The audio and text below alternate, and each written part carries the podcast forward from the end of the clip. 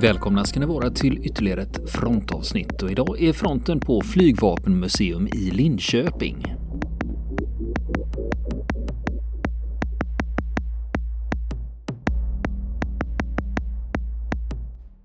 Och nu fortsätter vi med vårt besök på Flygvapenmuseum i Linköping. Sen har vi B4 Hawker Heart. Det är finska märkningar på det. Eh, dubbeldäckare med två sittbrunnar. Längst bak har vi en kulspruta monterad. Det ser ut som Browning 30 ungefär. Snar, något liknande i alla fall. Det engelska lätta bombflygplanet Hawker Hart var först tänkt för spaning i det svenska flygvapnet och gavs beteckningen S7. Behovet av ett lätt bombflygplan var stort och beteckningen ändrades till B4. Flygplanet användes för störtbombning som utvecklades på 30-talet. Störtbombning innebar att flygplanet dök nästan lodrätt ner mot målet, bomberna fälldes, varefter flygplanet snabbt togs upp igen. Fem B4 från det svenska flygvapnet användes i finska vinterkriget 1939 40. Och den här individen då, den är licenstillverkad på AB Svenska Järnvägsverkstädernas aeroplanavdelning i Linköping 37, levererades till F1 Västerås samma år. 38 överfört till F4 på Frösön och 1940 till F6 i Karlsborg. Senare flögs det även på F7 i Såtenäs och F9 i Säve. Flygplanet kasserades i februari 47 och placerades i de flyghistoriska samlingarna. Det här exemplaret användes inte i Finland men det är märkt som de B4 som deltog i finska vinterkriget. Tycker det är kul att se. Se de här kärrorna. Sen har du SK14 North American. Det är skolflygplan. Flygvapnet köpte två flygplan av typen North American 16 i slutet av 30-talet. Och snart fick AB Svenska Järnvägsverkstädernas aeroplanavdelning i Linköping en beställning för licenstillverkning av 35 exemplar. De levererades till flygskolan på F5 i Ljungbyhed, fick beteckningen SK14. Och de var i tjänst 37 till 53, kunde flyga i 255 km i timmen. Det står en Gini Seversky här också. Eh, nu är det, av, ser ut som det är avstängt så jag kommer inte dit riktigt. Spelar de lite tidstypisk 40-talsmusik i bakgrunden också. Man ska få lite känsla för det där. Vi är nere på avdelningen för andra världskriget. Här har vi en SK9, en Diaviland Moth Trainer med pontoner. Den är röd och gulmålad och har svart kronmärkning. I början av 30-talet saknades lämpliga skolflygplan i flygvapnet. Flygplanet Moth Trainer hade fått mycket goda omdömen och tillverkaren i England kunde snabbt leverera 10 exemplar. Men Moth Trainer slog engelskan Amy Johnson hastighetsrekord 1930 då hon flög från England till Australien på drygt 19 dagar. Rekordet slogs med fem dagar av Gene Batten 1934 som också flög en Moth. Det här flygplanet som står här kom till flygskolan på Ljungbyhed sommaren 31. Från 38 var det placerat på F3 Malmen Linköping. Användes för allmän flygträning. 47 såldes det, fick civil registrering. 78 hamnade flygplanet återigen i Linköping och man påbörjade en restaurering. Och sen kom det hit till Flygvapenmuseet då. Den var i tjänst 1931 till 1947, hade en toppfart på 170 km i timmen. Och, och just de här MOFF-planen det är nästan urtypen när man tänker sig en gammal dubbeldäckare hur de ska se ut. Och sen har vi en luftvärnskanon. Eh, Bofors 40 mm modell 36. Och den har ju två sittplatser bredvid, bredvid kanonen. Med, med vevar så man kan veva dem. Så man kan ställa in kanonen. Och på vänstersidan så ser, ser det ut som det sitter ett sikte. Och den eh, står ju på en typ, det är monterat på typ en släpvagn med fyra bilhjul och en, eh, en eh, ögla som man skulle kunna fästa den i ett fordon och dra med sig det där. Sen har vi B3 Junkers JU86. Det står precis under det. B3 var det viktigaste bombflygplanet i det svenska flygvapnet under beredskapstiden. Redan 36 beställdes 40 exemplar från tillverkaren Junkers i Tyskland. Dessutom tecknades avtal om licenstillverkning på Saab i Trollhättan. Flygplanet hade beteckningen B3 och var flygvapnets första flygplan byggt helt i metall. Det var i tjänst eh, 1936 till 1958. Och eh, max startvikt på den här kärran var 8,5 ton och kunde flyga upp till 370 km i timmen. De kunde bära med sig 1000 kilo bomber och de hade tre stycken 7,9 mm eh, kulsprutor. Plats för skyttar fanns i nosen i flygplanets bakre del och i ett torn som sänktes ner under flygplanet. Sen längre ner i hörnet ser jag att det står en fis eller stork. Det är ett tyskt plan. S14 hette det i Sverige. S14 FIS eller FI 156C Stork. Flygplanet kallades Storken på grund av egenskapen att kunna flyga med låg hastighet och för de långa fjädrande landställsbenen. Några exemplar beslagtogs från tyska Luftwaffe efter att de hade landat med flyktingar i Sverige under våren 45.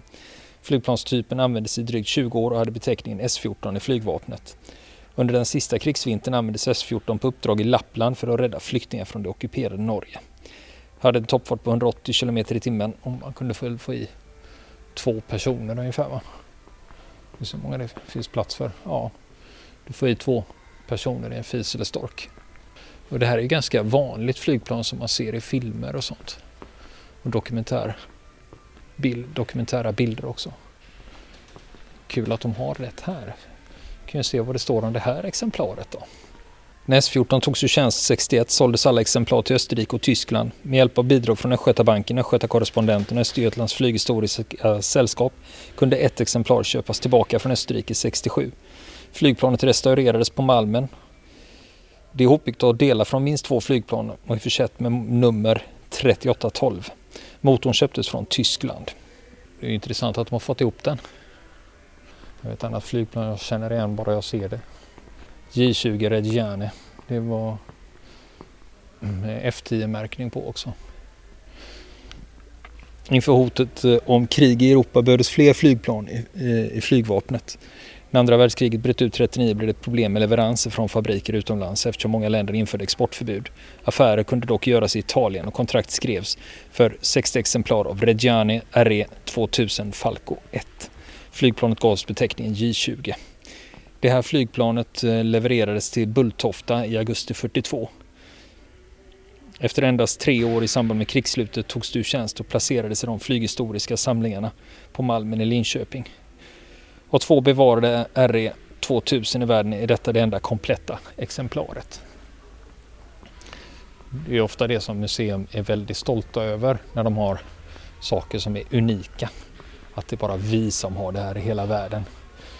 Och sen har vi ett flygplan som man också, eller som jag i alla fall, känner igen bara jag tittar på det. Och det är det som heter J26 i Sverige. I resten av världen är det känt som North American P51D Mustang. P50 Mustang är ett av andra världskrigets mest legendariska flygplan. Det var mycket framgångsrikt och ansågs vara det bästa jaktflygplanet för långdistans. Mer än 15 500 exemplar tillverkades. Mot slutet av kriget fick Sverige möjlighet att köpa begagnade Mustanger.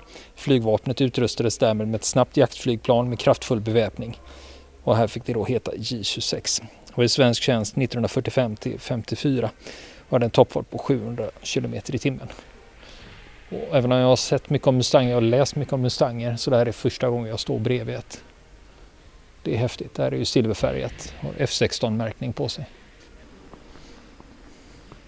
Sen har vi en J22 här. När andra världskriget bröt ut 39 blev det svårt att köpa flygplan. Därför var det viktigt för Sverige att snabbt få igång egen produktion. Under ett uppdrag i USA började kontrollingenjören och konstruktören Bo Lundberg skissa på ett jaktflygplan som skulle byggas i trä och stål. I en lägenhet vid Karlaplan inrättade flygförvaltningens verkstad i Stockholm ett ritkontor. Redan 1942 provflögs flygplanet. Och just det här flygplanet, eh, det kom till, i 45 kom det till F8 i Barkarby och efter fem år flyttades det F18 i Tullinge och togs ur tjänst 52 och fördes till de flyghistoriska samlingarna. Det är väldigt, väldigt roligt att se de här flygplanen. Kan jag säga. Sen har vi B17, Saab 17. Det var det första flygplan som byggdes efter egen konstruktion på företaget. Arbetet började på aktiebolaget Svenska järnvägsverkstädernas aeroplansavdelning ASJA 38 innan företaget blev en del av Saab. Amerikanska ingenjörer anställdes för att hjälpa till med bland annat konstruktionerna av Saab 17. När andra världskriget bröt ut reste amerikanerna hem men arbetet fortsatte. Saab 17 blev ett för sin tid modernt flygplan med aerodynamisk form helt i metall och med uppfällbart landningsställ. Och när jag går runt bland samlingarna på Flygvapenmuseum så får jag syn på en grupp män som håller på att rota in i en Saab J21A. Det är klart att jag blir nyfiken så jag går dit och frågar vad de håller på med. Och en av entusiasterna där, Henrik Bergman, förklarar vad det är de håller på med just nu. Eh, vi öppnar upp den, tittar på den, ser hur den ser ut invändigt, letar korrosion, eh, skador, eh, kontrollerar motorn, ser skicket på den. Vi ska göra en boroskopkontroll. Vad är det för något? Då kommer boroskop, det är när man går in med ett instrument i trånga utrymmen med kamera och tittar invändigt, ser hur det ser ut. Speciellt i motorn kan vi göra då, trånga utrymmen. Vad har du för erfarenhet själv av J21 då? Inte mycket av själva flygplanstypen. Jag jobbar ju som flygtekniker i vanliga fall eh, i flygvapnet då. Jag har gjort det i snart 30 år. Eh, flygintresserad sedan barnsben och eh, jobbat mycket med flyg så att eh, speciellt gamla flygmaskiner. Har renoverat en del SK6 tidigare så att så det är nytt även för mig det här men principen är samma på gamla maskiner. Mm. Men om du har varit, men om du har jobbat med det här i 30 år, vilka flygplan är det du har haft att göra med i jobbet då? Ja, det är Viggen framförallt, eh, Saab Safir, T84 Hercules. Det är väl de jag jobbar med idag då. Så det är också en gammal flygmaskin Hercules, den är från 50-talet så det är ungefär samma tidsepok den här togs ur tjänst. Ja, men eh, Hercules, Hercules är ju fortfarande i luften? Den flyger fortfarande ja. Och vi var ju först i Europa med Hercules. Så att flyger med gamla antikviteter. Ja, men det måste ju ha uppgraderats en del sen dess. Det har, det har hänt mycket sen dess eh, och vi fortsätter uppgradera flygmaskinen så um, det är ny avionik som ska in nu då och lite andra modifieringar. Är det en svensk grej det där med att man behåller kärrorna så länge som möjligt? Jag tänker på J35. Nej, det är många länder som, som inte har ekonomi de får hålla grejerna länge då. Så att, men det, vi hoppas vi kommer något nytt även där och får fler med. Så det, men det kostar pengar. Det gör det. Mm.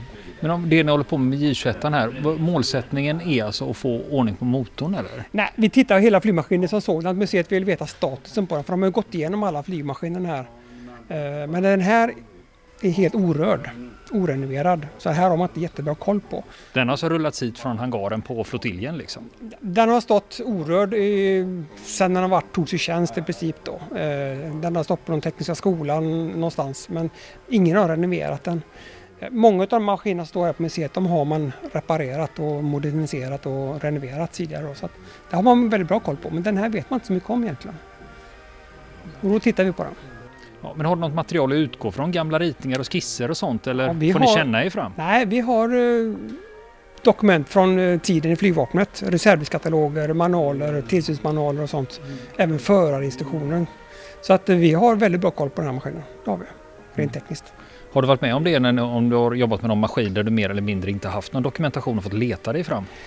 Ja, det har man fått göra. Man får leta fram information och dokumentation men det måste finnas en teknisk bakgrund att falla tillbaks på. Man får inte hitta på några egna saker. Mm. Och ska man göra det då måste man dokumentera det väl och få det godkänt i efterhand så att säga. Men jag tänker, tekniken är väl ungefär 70 år? Ja. Och eh, så hur high-tech var det? Det här var high-tech. Motorn på den här J21 är en tysk konstruktion från andra världskriget. Den satt i Messerschmitt 109. Just den här motorn är licenstillverkad av Volvo, Trollhättan. Och eh, Volvo införde ungefär 800 modifieringar på motorn. Så att den är jättebra kvalitet på motorn jämfört med de tyska motorerna. Eh, I Tyskland flyger det några Messerschmitt 109 med originalmotor och en med en svensktillverkad motor.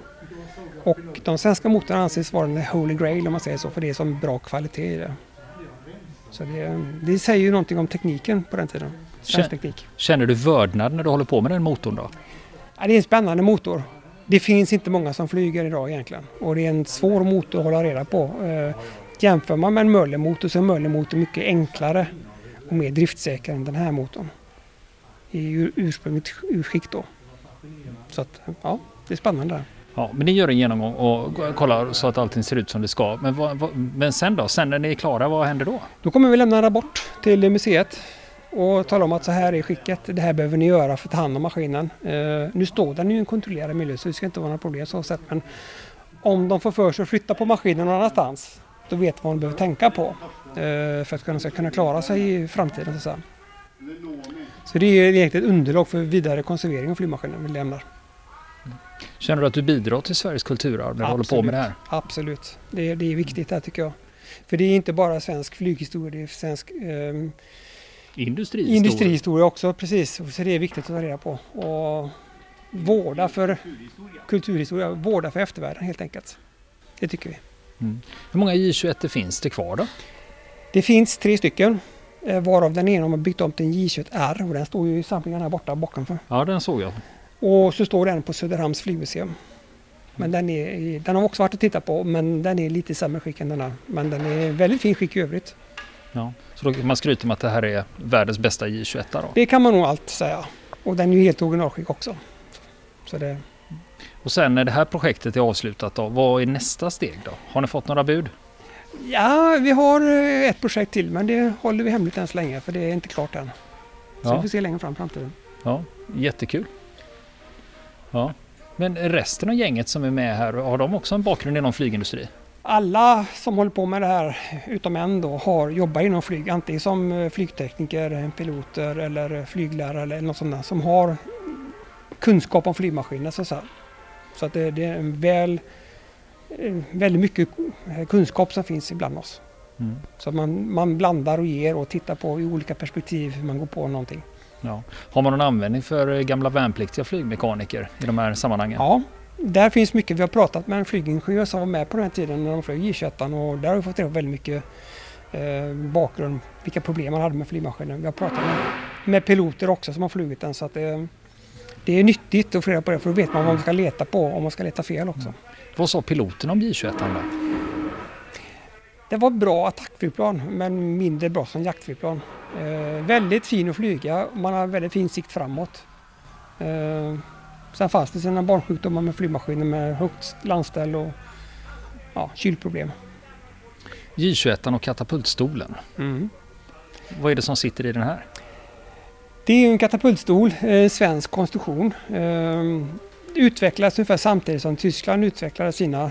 Det, de var väl först egentligen. Man brukar säga att J21 var först en serietillverkare men faktum är att tyskarna var lite före egentligen. Då. Men eh, det sitter en krutpatron i eh, stolen som man tänder, ja, drar ett, en stropp då så tänder den då. Så skjuts man ut som en kanon. Man kommer med kanske 15-20 meter.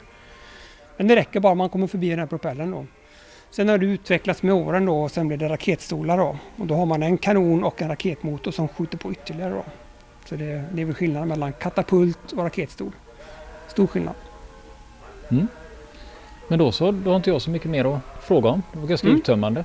Det är alltid intressant att prata med folk som vet vad de håller på med.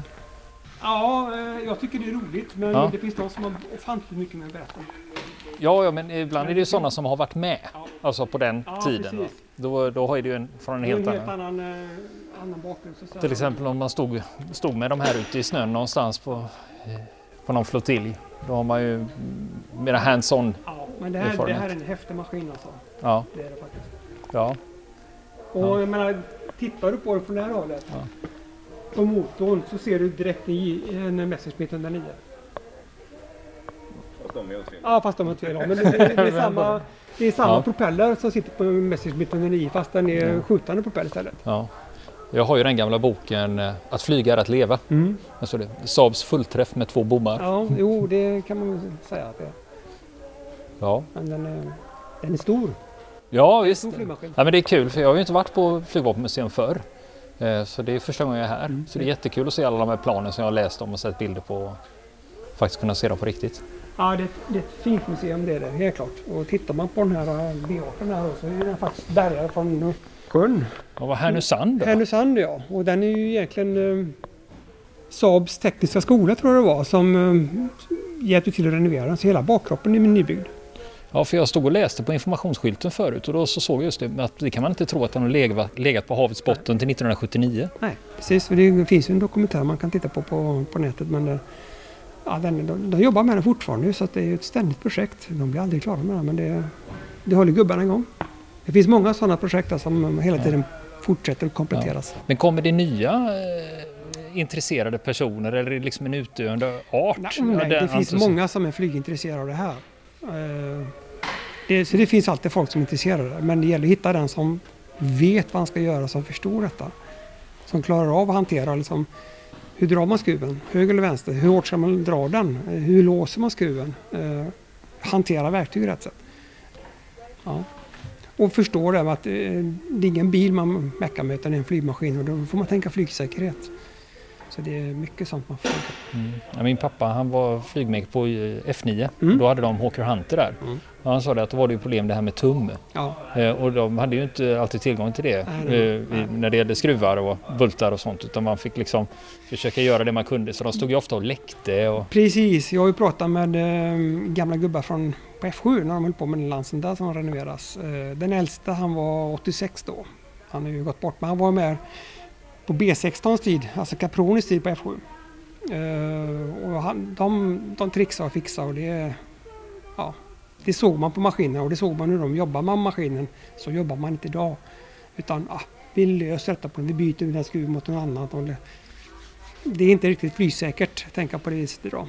Så att, eh, ja, men hade ju olycksstatistik därefter också? Ja, och det var inte bara alltså, det tekniska problemet, man hade ett utbildningssystem som var forcerat också. Man flög på ett annat vis också. Så att, eh, och på de här gamla maskinerna så var det ju en um, dålig gummi, det var dåliga bränslen, det var dålig, dåliga tändstift och mycket sådana här problem. Då, så att, det var mycket haveri på den tiden.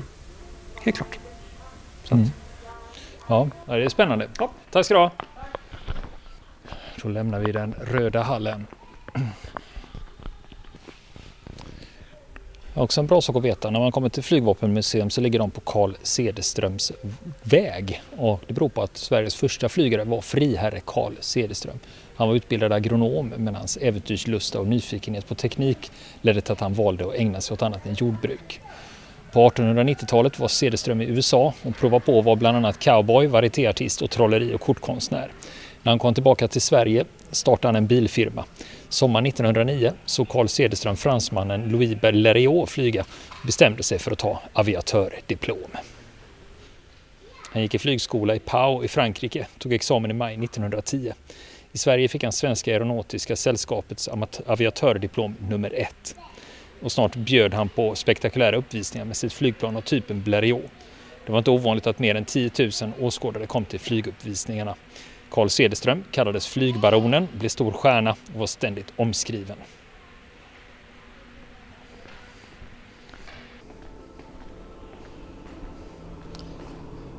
Jag hörde att akustiken förändrades. Det beror på att jag är på väg ner i källan på Flygvapenmuseum. Det är här man har DC-3. Och när man säger DC-3 då menar man ju självklart flygplan som försvann över Östersjön. Den 13 juni 1952 lyfte en DC-3 från Bromma flygplats. Ombord fanns åtta personer. Deras uppdrag var topphemligt. Två timmar efter start förlorades radiokontakten med flygplanet. En stor räddningsaktion startade, men förutom en ouppblåst gummibåt med spår av sovjetisk ammunition hittas inget. DC-3 var borta och det skulle ta mer än 50 år innan flygplanet återfanns. Och i en monter här så ligger resterna av DC-3.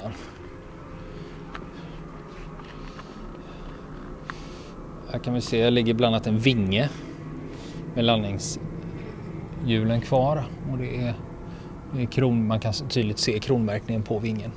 Och sen är det liksom lite hopvridna flygplansrester och man kan se delar av skrovet. Och det står här när DC-3 träffar vattenytan med stor kraft slets båda motorerna med propellrar ur sina fästen. Cockpiten krossades och vänster vinge slets loss. Flygplanskroppens vänstersida fläktes upp från cockpiten till den bakre lastrumsdörren. Det mesta av utrustningen i kabinen slungades ut. Flygplansplåten fick kraftiga vattenpräglingar som syns som väck på alla större plåtdelar. Nedskjutningen gick till så här. När piloten på det sovjetiska MiG-15-planet fick order om att anfalla den svenska DC-3 öppnade han eld med sina 23 och 37 mm automatkanoner. DC-3 träffades av ett antal granater. Minst en granat träffade vänster motors oljetank eller i tankens närhet och kraftig brand uppstod. Vänster vinge och flygplanskroppens vänstra sida har tydliga brandskador. Besättningen som satt i flygplanets bakre del blev värst drabbad av beskjutningen med granatsplitter trängdes även in i cockpiten. Förmodligen träffades flera i besättningen av splitter.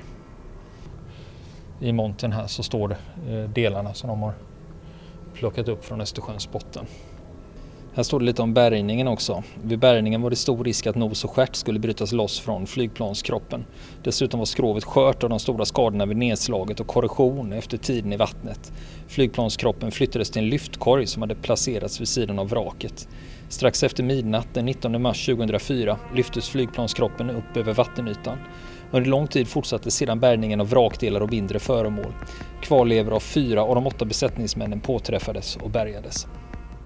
Och nästa vecka fortsätter vi vårt besök på Flygvapenmuseum i Linköping. Vill ni komma i kontakt med oss så kan ni göra det via vår Facebook-sida som heter Fronten. Det är inga problem för er att leta er fram där. Eller också så mejlar ni på vår mejladress och det är frontenpodcast.gmail.com.